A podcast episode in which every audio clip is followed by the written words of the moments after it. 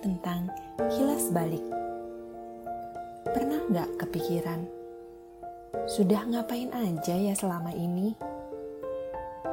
Biasanya pertanyaan itu datang menjelang tahun baru atau di malam hari ulang tahun.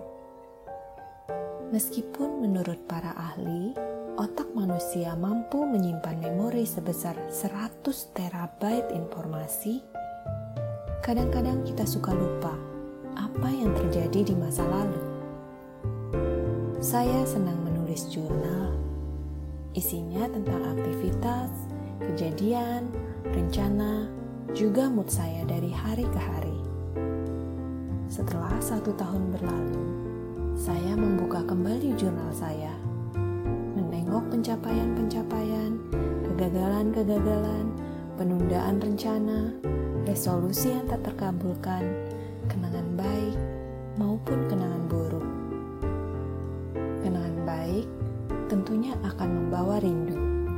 Kenangan buruk seperti kegagalan, perpisahan dengan orang-orang yang disayang akan membawa perih.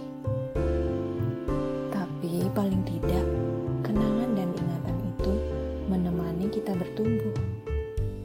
Kilas balik memberikan pandangan objektif terhadap suatu peristiwa. Beda sekali saat kita mengalami peristiwa itu dulu dengan emosi kita saat itu. Membaca kembali jurnal saya, kadangkala saya malah tersenyum geli pada kesedihan yang dulu ditangisi. Kadang juga saya menemukan hal-hal penting yang luput dari perhatian saya dulu, yang mungkin menjadi hambatan dalam pencapaian atau hubungan saya dengan orang lain. Kilas balik memberikan pelajaran tolak ukur bagi saya untuk terus bergerak maju dan bertumbuh sebagai manusia baru. Jadi, sudah ngapain aja selama ini?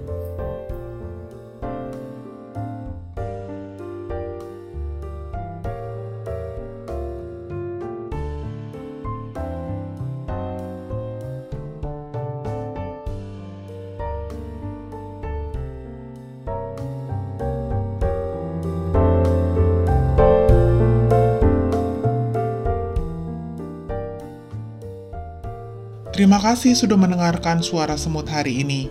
Dengerin lagi ya besok, karena semua orang bisa membuat podcast dan semua podcaster butuh komunitas.